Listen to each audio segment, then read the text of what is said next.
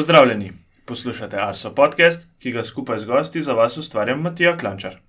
V zadnji epizodi sta bila moja gosta Andrej Hrabar in Aleš Poredoš, pogovarjali smo se o meteoalarmu, sistemu opozoril pred vremenskimi ekstremi. Vabljeni pa tudi k poslušanju preteklih epizod, ki jih najdete na naši spletni strani.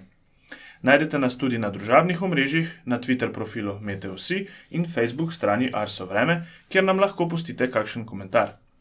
V veliko pomoč pri širjenju naše besede so tudi ocene na Apple Podcasts, vse komentarje, pripombe in predloge pa nam lahko sporočite na elektronski naslov podcast.arso.afnago.si. Danes pa se bomo zapodili med oblake. Z gostom Lukom Ravnikom bova govorila o pojavu, ki ga v nevihtnih dneh vidimo, kot posledico pa tudi slišimo. Govora bo namreč o strelah. Pozdravljen, Luka. Pozdravljeni. Prvo vprašanje pri tem podkastu je v bistvu bolj namenjeno temu, da razložimo nek, na nek način pojav. Pa me zanima, če znaš ti na en tak preprost, poljuden način uh, razložiti, kaj so sploh strele in kako nastanejo. Um, ja, torej, strela je tako preprosto povedano razelektritev v zraku.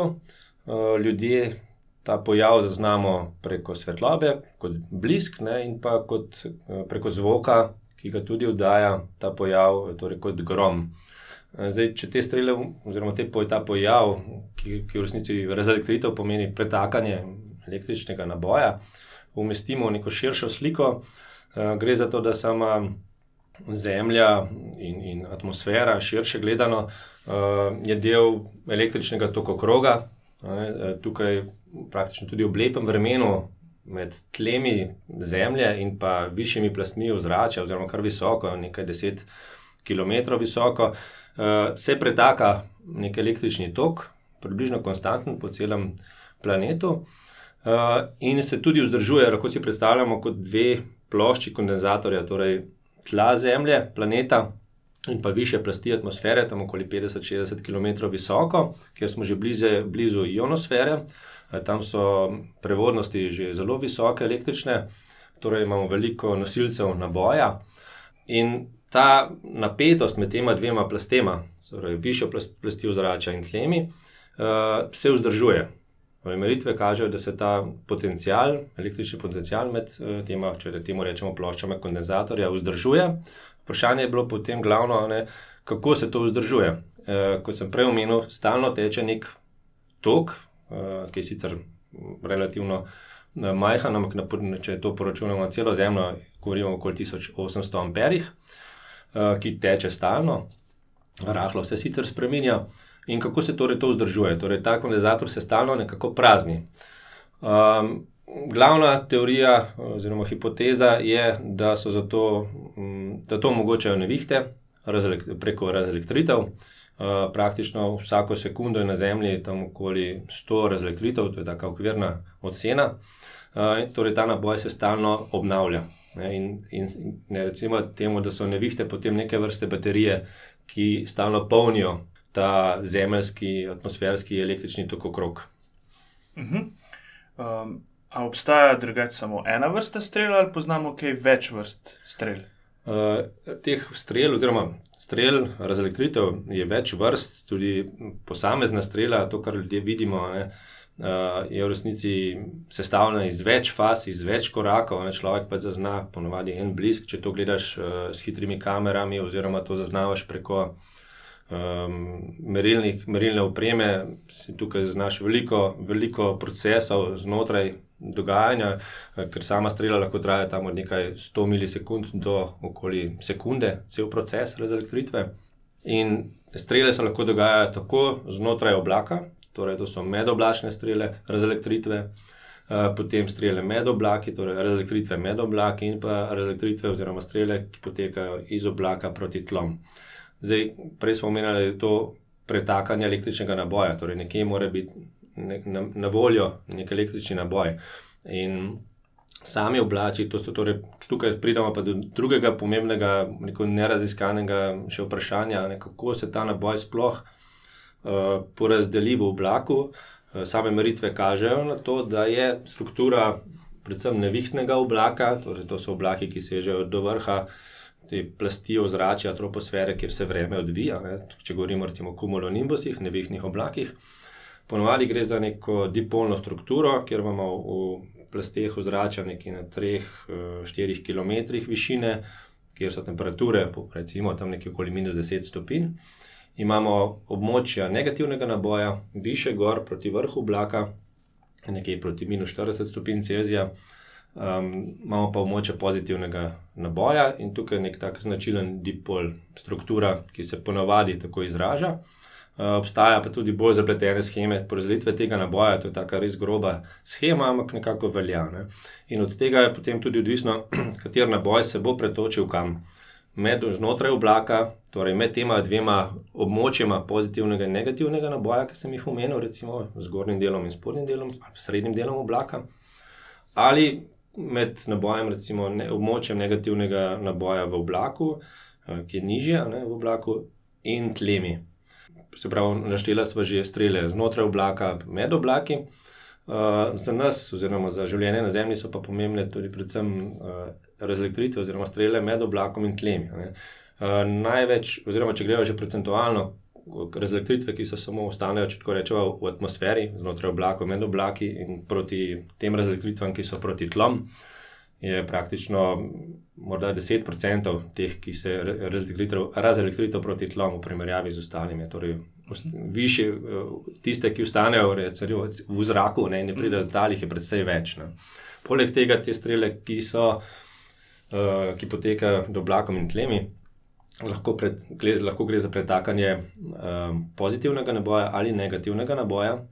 Uh, torej, včasih se ta um, območje na negativnega naboja, tako rečemo, pretoči v tla, včasih pa se območje pozitivnega naboja v oblaku, torej više gor, pretoči v tla in uh, govorimo o recimo, strelah s pozitivno ali pa negativno polariteto. Eh, po drugi strani pa ni vedno začetek strele v oblaku, včasih se zgodi, da se strela sproži tudi iz tal. Torej imamo zgoraj prožene, iz oblaka prožene strele proti tlom in pa strele, ki se prožijo iz tal na vzgor. Ne. In tudi karakteristike teh razletritev so različne. Same m, negativne, rekel, če govorimo o negativne strele, v narekovajih, tiste, ko se negativno območje oblaka razletri proti tlom. Ne um, so ponovadi šipkejše, kar se tiče električnega toka, še vedno govorimo o nekaj deset eh, kiloamperih pretočenega toka, v praktično recimo tam 100, 100 200 mikrosekundah, to so kratke karakteristike. Um, po drugi strani imamo pozitivne elektritve, ki so lahko precej močnejše, ki pridejo iz višjega dela oblaka, ponavadi. Um, tam govorimo pa lahko tudi um, praktično nekaj 100 ali pa 100, 200 km, krat 10. Um, torej, zaščite same, ki jih se jih uporablja tukaj na tleh pri zemlji, ne, dejansko upoštevajo te karakteristike, karakteristike časovne ne, um, samih razelektritev. Zdaj, povedal si recimo o vrstah strel, kako nastanejo, tudi same karakteristike si umenil, kako jih pa v bistvu sploh merimo. Ja, meritve pa potekajo, torej prej sem omenil, da zaznamo svetlobo, ljudje zaznamo svetlobo, torej rekel, vidni del elektromagnetnega spektra. V resnici pa strela kot pojav oddaja, lahko rečemo, da je to ena množica različno dolgih anten, različno močnih in dolgih anten. Ki vsaka po svoje oddaja eno vrsto elektromagnetnega valovanja, Eh, to pomeni, da imamo praktično signale od nekaj hercev do praktično do, uh, govorimo tudi do, prihaja tudi do izvora gama, gama sevanja, torej in reneskega in gama sevanja. Najbolj značilno, oziroma največji in najmočnejši del spektra pa predstavljajo bolj radijske frekvence in tam se tudi potem inštami inštrumenti za zaznavo um, nahajajo, oziroma njihove karakteristike za zaznavo so tam. Uh, torej nekje recimo nekaj 10 kHz, pa tudi potem nekaj proti, proti MHz. Um, in vrsta spektra, ki ga opazuješ, ti nekako tudi govori o tem, kateri del procesa, ki sem prej omenil, da je tukaj več faz, več post, uh, korakov ne, v sami razelektritvi, je precej razdeljena. Um, mi res vidimo samo en blisk. Uh, in ta frekvenčno področje ti potem tudi pove nekako kaj gledaš, kater del procesa. Ne. In gleda se, lahko merilna oprema obstaja, ki zaznava magnetno polje. In skušam, skuša se po eni strani locirati, torej prva je detekcija, da sploh zaznaš, da je prišlo do razelektritve v tla. Um, da ločiš, oziroma da zaznaš, da je prišlo do razelektritve, da ločiš, da je, ali je bila razelektritev v oblakih ali med oblaki, ali je bila to razelektritev oblak tla, zapravo loče, ločevanje tega, in pa potem tudi določiš samo lokacijo eh, udara strele. Ne. To pomeni, da je sama lokacija, rekel, se je z leti zelo spremenila, ne, eh, negotovost te lokacije. No, praktično reda kilometri, ne vem, tam nekje v 70-ih, 80-ih letih prejšnjega stoletja, zdaj smo pa prišli na nekaj 100 metrov, praktično, kar se tiče negotovosti lokacije. Uporablja se mreža, uh, inštrumentov, zaznavaš tako magnetno polje, kot lahko uh, elektro, električno polje, torej potek električnega, jakosti električnega polja. Po eni strani imaš vse do neke mere na principu neke trigonometrije, torej v, v Evropi obstaja več mrež, najbolj, dve taki najbolj znani mreži um, za zaznavo, daljinsko zaznavo. Razelektritev sta Euklid, to je Evropsko združenje mrež nacionalnih mrež do neke mere, ki so združene v to zdru, organizacijo Euclid, eh, torej se to centralno procesira. Eh, obstaja okoli 150 ali 160 merilnikov po celi Evropi, potem je pa še Linet, je pa druga, recimo, temu konkurenčna mreža, najbolj znana, tudi razširjena po Evropi, in še ostale. In odvisno je tudi, ali je to zaznava na, na, na relativno bližnjih območjih, razdaljah. Obstajajo pa tudi mreže, ki so bolj redke, uh, gledajo v drugem frekvenčnem pasu in zaznavajo praktično elektritve na oddaljenosti nekaj tisoč km ne, po svetu. Ne. In pri nas uh, dobimo v resnici potem del teh podatkov iz, iz mreže Euclid, ki jih uporabljamo potem tudi za operativno uh, stroko. Lepo si navezal, recimo, moje naslednje vprašanje, ki se pač poraja na dlani. Uh, kako podatke o strelah pomagajo meteorologom pri napovedovanju trenutnega vremena.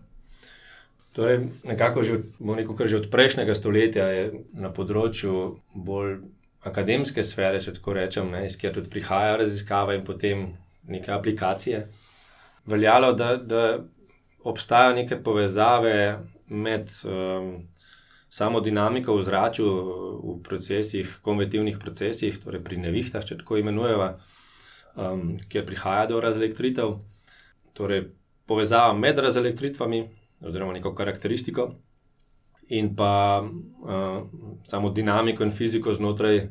Znotraj teh nevihtnih oblakov, nevihte so namreč, poznamo različne vrste neviht, nekatere nevihte nam um, rekel, povzročajo več nevšečnosti, so močnejše, jih spremljajo pojavi toče, um, močnega vetra, nevihtnega piša, nalivov in tako naprej.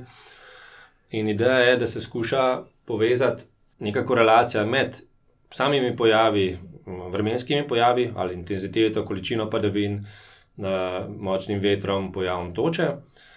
In pa karakteristiko, recimo, ali neko pojavnost, neko intenziteto razelektritev v nekem časovnem intervalu, ne, na nekem območju. Po drugi strani so, je pa to en, samo en dodaten pogled v nevihte. Ne. Primarno, že zgodovinsko velja, da je radar tisti, ki gleda v oblak in, in lahko gleda, in padavin, gleda, lahko vidi padavine na oceni, eh, neko količino vode, um, lahko tudi ledu. Um, po drugi strani imamo sedaj tudi pogled iz vesolja, satelite, že dolgo časa. Ne? In tudi vrhovi teh nevihtnih oblakov govorijo o dinamiki znotraj nevihtnih oblakov.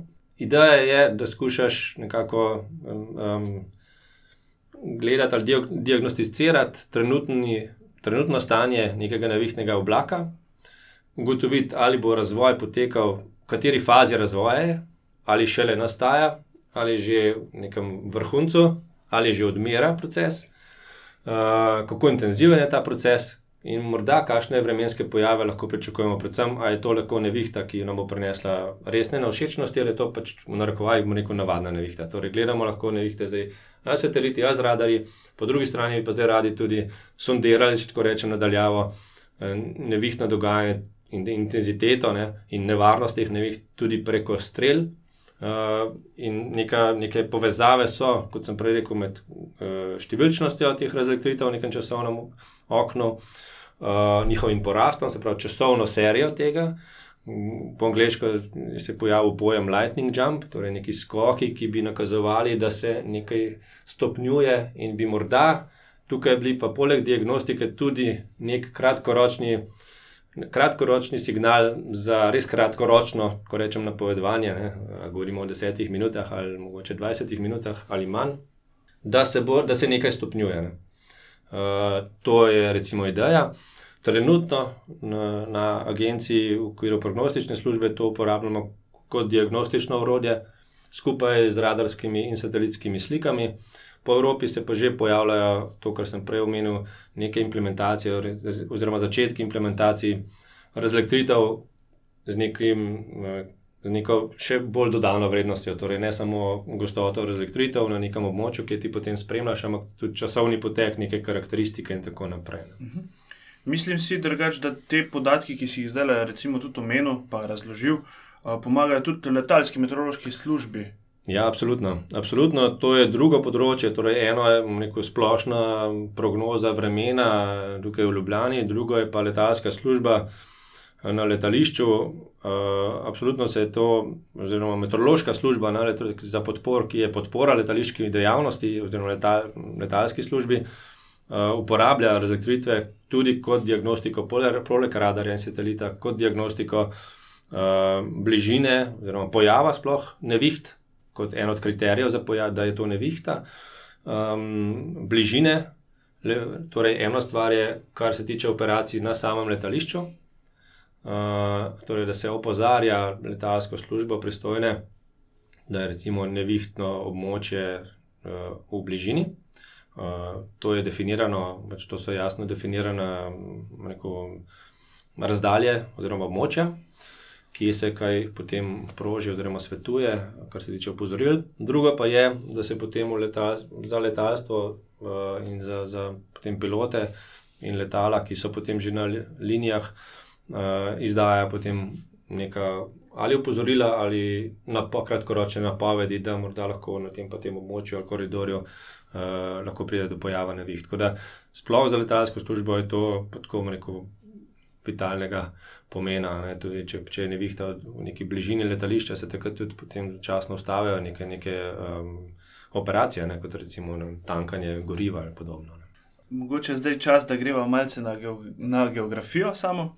Verjetno poslušalce tudi zanima, kje v Sloveniji lahko uh, imamo v bistvu na leto največ udarov strel. Ja, samo naša država je, kar, v, kar se tiče Evrope, uh, kar v samem vrhu pojava razdelitev, predvsem območje na tromeji med Italijo, Avstrijo in Slovenijo, je po meritvah zadnjih približno 15 let, kumulativno, uh, kar v vrhu. Tukaj je največ razdelitev. Če govorimo o nekih številkah, se ponovadi jih omenja, recimo nekje na zahodu, severozahodu države, to pomeni recimo nekaj deset razdelitev na kvadratni kilometr na leto, poprečju um, bolj proti srednji vzhodni Sloveniji, pa manj, nekaj, recimo nekaj razlikitev, ena do dve po nižjih delih na kilometr ne, na leto. Uh, druga stvar pa, so pa sami hribi. Um, prej sicer bi se potem še veliko lahko pogovarjali o samih pojavih razlikitve in samih fizikalnem ozadju, ampak dejansko. Kar je pomembno tukaj, je izpostavljenost ta objekta na tleh ne, ali reljefa, torej hribi, grebeni, so izrazito privlačijo razlikritve, res izrazito to moram povdariti. Ne? ne upam, da tudi kakšen planinec potem to posluša. Tako da tam se pol ta gostota ali številčnost eh, močno poveča, ne? faktor deset ali več. Ne? Mhm. Če smo zdaj Slovenijo približno obdelali, kaj pa recimo na svetu, je kakšen znan kraj, kjer je teh udarov streljalo res veliko? Uh, ja, nekaj statistike obstaja, tudi kar se tiče smrtnih žrtev. Um, pogostost razlikovitev je visoka um, na območju Centralne Afrike, Južne Afrike, pa tudi Južne Amerike, uh, deloma tudi ponekod v Aziji. Tak zelo znan primer je, uh, to je nekako tudi, govorimo, eno število razelektritev, druga pa potem tudi število smrtnih žrtev, ki je malo povedano tudi z državo, področjem, koliko, mislim, ruralnim in drugim močjem, koliko je potem nažalost žrtev. Ampak uh, na tak znamenita nara, kot naravni pojav je, je severo jezero uh, Maracaibo uh, na severozahodu Venezuele v Južni Ameriki. Uh, tam je delta reke Katatumbo, ki, ki na, na tem območju, o, praktično, mislim, da okoli 200 dni na leto nevihtnih. Um, in vsaj zasledil sem tako v literaturi, da so to tudi mornari uporabljali kot neke vrste svetilnik, ne? to je praktično stalno aktivno območje. Ne? Uh, drugače pa je velik, velik kontrast med pojavom strel uh, na, na, nad morjem ali pa kopnim, Tukaj je zelo velika razlika, pa seveda potem, seveda potem proti obema poloma, kjer se nekako stabilnost atmosfere in pa tudi ener, dovolj energije v ozračje precej uh, pade. Ne.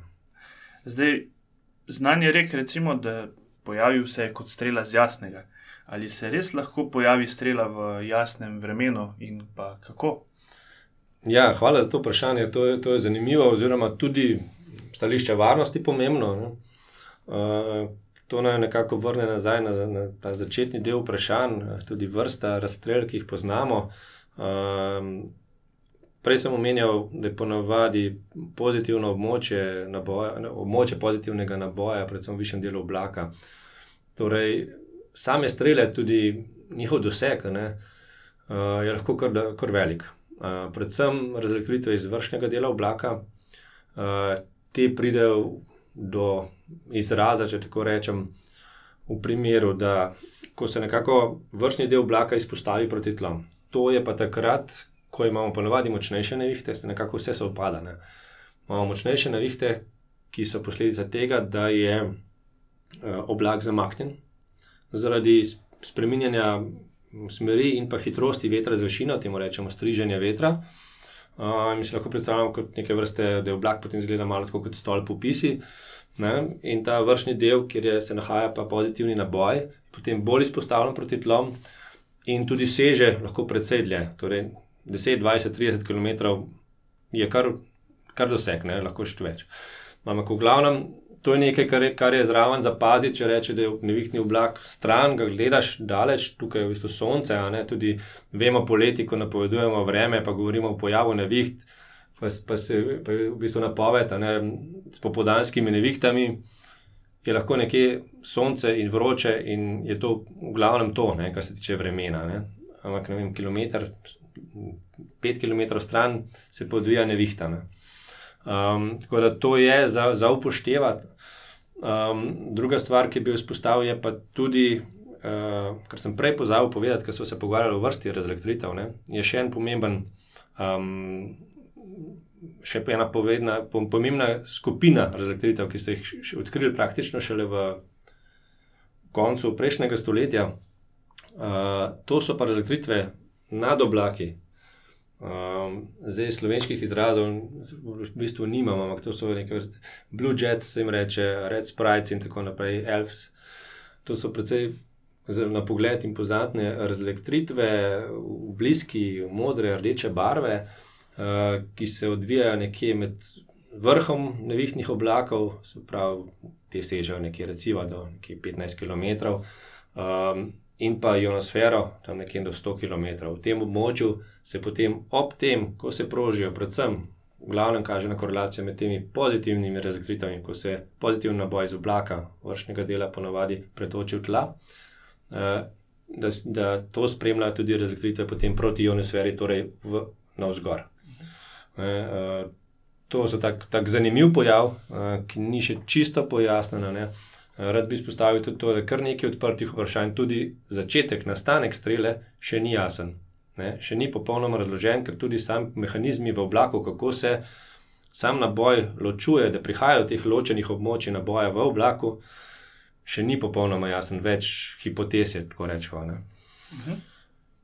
Prej sem že omenil strelo z jasnega, pa mogoče bi se v hitrosti strel lahko že pogovarjala kaj prej, ampak glede na tudi ta rek, se mi zdi, da je tudi, tudi na tem mestu dovolj dobro vprašanje, kako, kakšne hitrosti sploh dosegajo strele.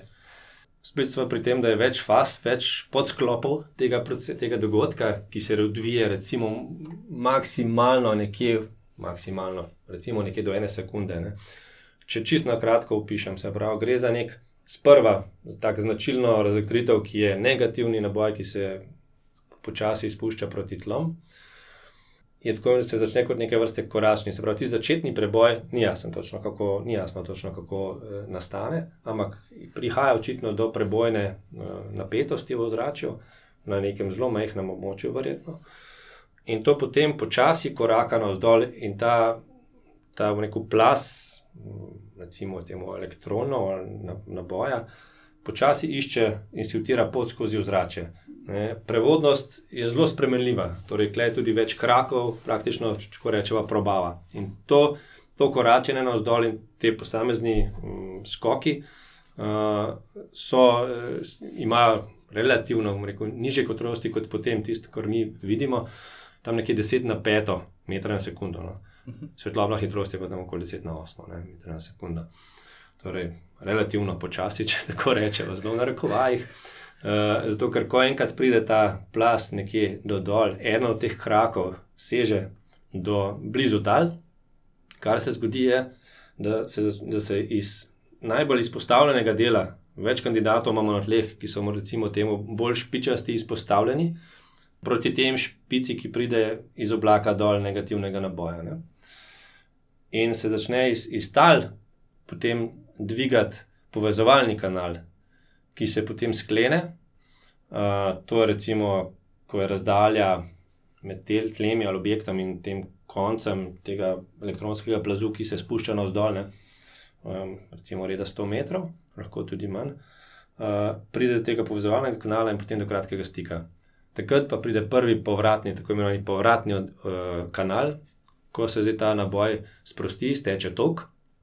Um, lahko si predstavljamo čez, čez karakteristično, mislim, za občutek, da ta kanal, ki se spušča dol po korakih, ima debelino nekaj, nekaj milimetrov, samo jedro, ampak vpliva kar na boče nekaj metrov okoli sebe. Torej, tako valjast kanal se, spušča dol, ne, z premjerom nekaj recimo, metrov, ne, uh, srka uh, stran elektrone, pobira iz, iz, iz molekul. Ne, uh, in potem, ko pride do kratkega stika, se to vse hitro pretoči.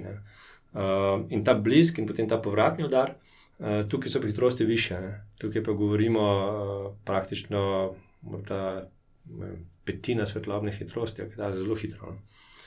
Zraven tega bi pa še izpostavil, da so to zelo močni tokovi, velike energije v kratkem času, pride do segrevanja, pregretja zraka, nekje na 30 tisoč Kelvinov, In to ustvari pa potem udarni val, ki ga mi slišimo kot grom. In to ni en udarni val, ne, to lahko pride pač najprej iz vrha, potem iz spodnjega dela, srednjega dela, več zvočnih izvir, izvorov imamo, ki se potem seštejejo. Lahko in zato tudi na različne načine včasih slišiš to kot dom, včasih pok, ne, različno, odvisno od tvoje oddaljenosti, kje si, glede na ta prevodni kanal. Ne. In potem tudi. Zatem imamo pa lahko potem še več povratnih kanalov, ko imamo enkrat to ioniziran kanal plazme, lahko pa potem udari tudi kam drugam. Torej, te hitrosti so, vseeno, govorimo, ko to omenjamo, omenjamo tudi hitrost svetlobe, tako da je to kar, kar hitro. Mhm. Počasi uh, se naj pogovor približuje k koncu. Večkrat si že sam omenil tudi, drugač, da je pač strela, oziroma pač pojav strele, lahko tudi nevaren za ljudi, sploh če nekoga, kakšnega planinca, kot si prej že omenil. Uh, ujame na nekem grebenu. Pa me zdaj zanima, kaj sploh narediti, če nas na odprtem dobi nevihta, pa kako se zavarovati pred udarom strele. Ja, ponovadi so, je prvo navodilo, pojdi na varno. Ne? Ne bodi na odprtem, ampak pač to je teoretično navodilo, ne? druga pa praksa. Potem, Um, ampak ja, dejstvo je, da če govorijo o tem, kje je najbolj varno, najbolj varno je v zaprtih prostorih, neko, ko imajo neko kovinsko ohišje ali ogrodje, po Faradayevem principu, torej da smo danes nekako to polje ne doseže, oziroma da električni tok steče po obodu ne, nekega ali to hiše, objekta ali avta, vseeno ne, steče naprej v zemljo, torej mi smo pa varni znotraj tega. Um, v tem primeru velja izpostaviti, da je pomembno, da so, tem, da so vrata, okna zaprta ne, in da nismo zraven teh območij, kjer je neka odprtost na vzven, ne, kot je okno ali pa vrata. Ne da se omaknemo stran. In tudi, ko si v hiši, se ne, mislim, absolutno ni, se ni prav, da se tem dotikaš kakšnih inštalacij napeljav ali da imaš upravka z vodo ali da se tuširaš kaj tasga. Ker pa če električni tok išče svojo pot čez ta objekt, če govorimo, da smo zdaj v hiši, ne v tla. Um, in upaš, da bo to se zgodilo po tem, namen, temu namenjeni inštalaciji. Lahko pa tudi ne, ne. lahko se zgodijo preskoki. Ne. In zato gre tudi za vem, koncept recimo, napetosti stika, dotika. Če se ti dotikaš nečesa, ki lahko pride pod napetost in te strese. Druga stvar je pa, ko smo zunaj.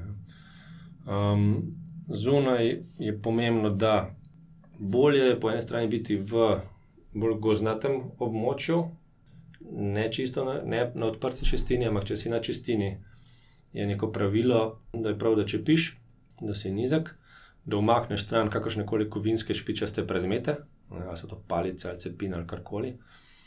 Da imaš noge čim bolj skupaj, da, si, da imaš recimo, stik s tlemi, da imaš čim večjo upornost po eni strani, da, uh, ali je to nahrbnik ali karkoli.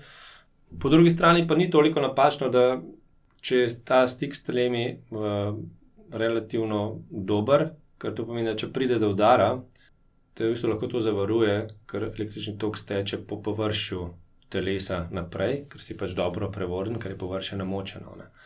Ampak, klej bi spostavil koncept napetosti koraka, se pravi, znano je eno, da se recimo tako umira lahko živina, ne, krave. Um, gre za to, da ko strela ta udari v tla, si lahko predstavljamo kot neko vertikalno žarečo elektronsko, mislim, palico, kako ne rečem temu, nekaj udari v tla. In zdaj električni tok steče radijalno vse smeri, in mi dobimo resnic napetostno, uh, potencijalno razliko na tleh. Ne. In če smo mi stran od v bistvu, radijalni smeri z nogami razkra, razkoračeni, ne, to pomeni, da, ima, da, so naše, da so naše noge na, raz, na različnih potencijalih. To pomeni, da lahko tok steče čez nas. Ne. In tako umirajo, pa, recimo, če tako rečemo, krave v tem primeru, ki žal drugače ne morejo, pač imajo okončine precej narazene, poleg tega je še srce dosti blizu. Ne? Pa človek je vsem to, da bo to, recimo, da steče pač čez spodnje okončine in imaš lahko kakšne težave, uh, mišične ali kaj tasga.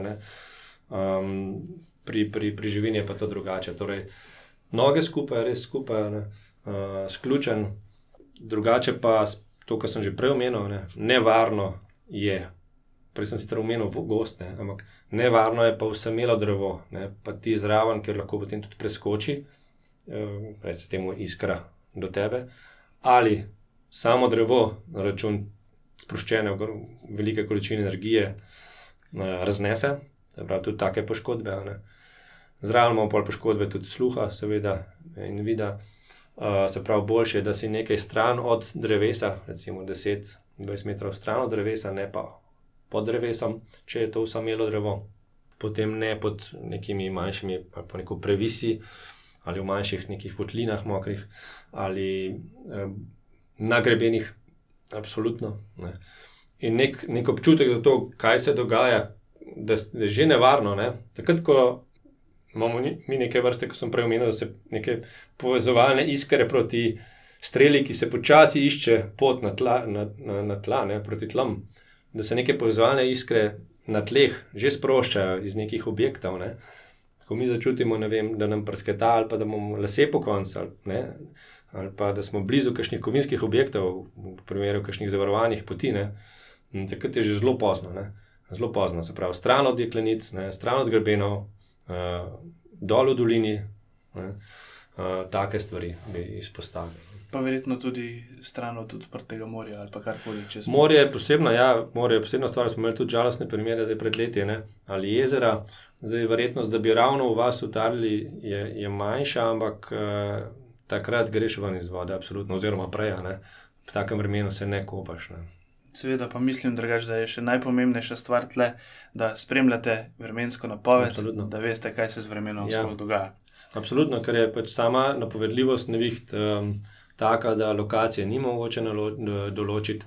Uh, mi, kot meteorologi, imamo to znanje, da, da iz, recimo iz modelov in iz nekih meritev, kot je radiosondaža, znamo oceniti uh, stopno tveganja za nastanek nevihte uh, in iz pogojev v ozračju, kako je, kakšen je veter, kakšna je potek, stratifikacija temperature in vlage z višino, uh, nam pove tudi, po eni strani je vrednost za nastanek neviht, po, po drugi strani pa uh, tip neviht, ki so bolj verjetne, da bodo nastale, kot sem prej omenil, lahko obstaja več neviht. Ne.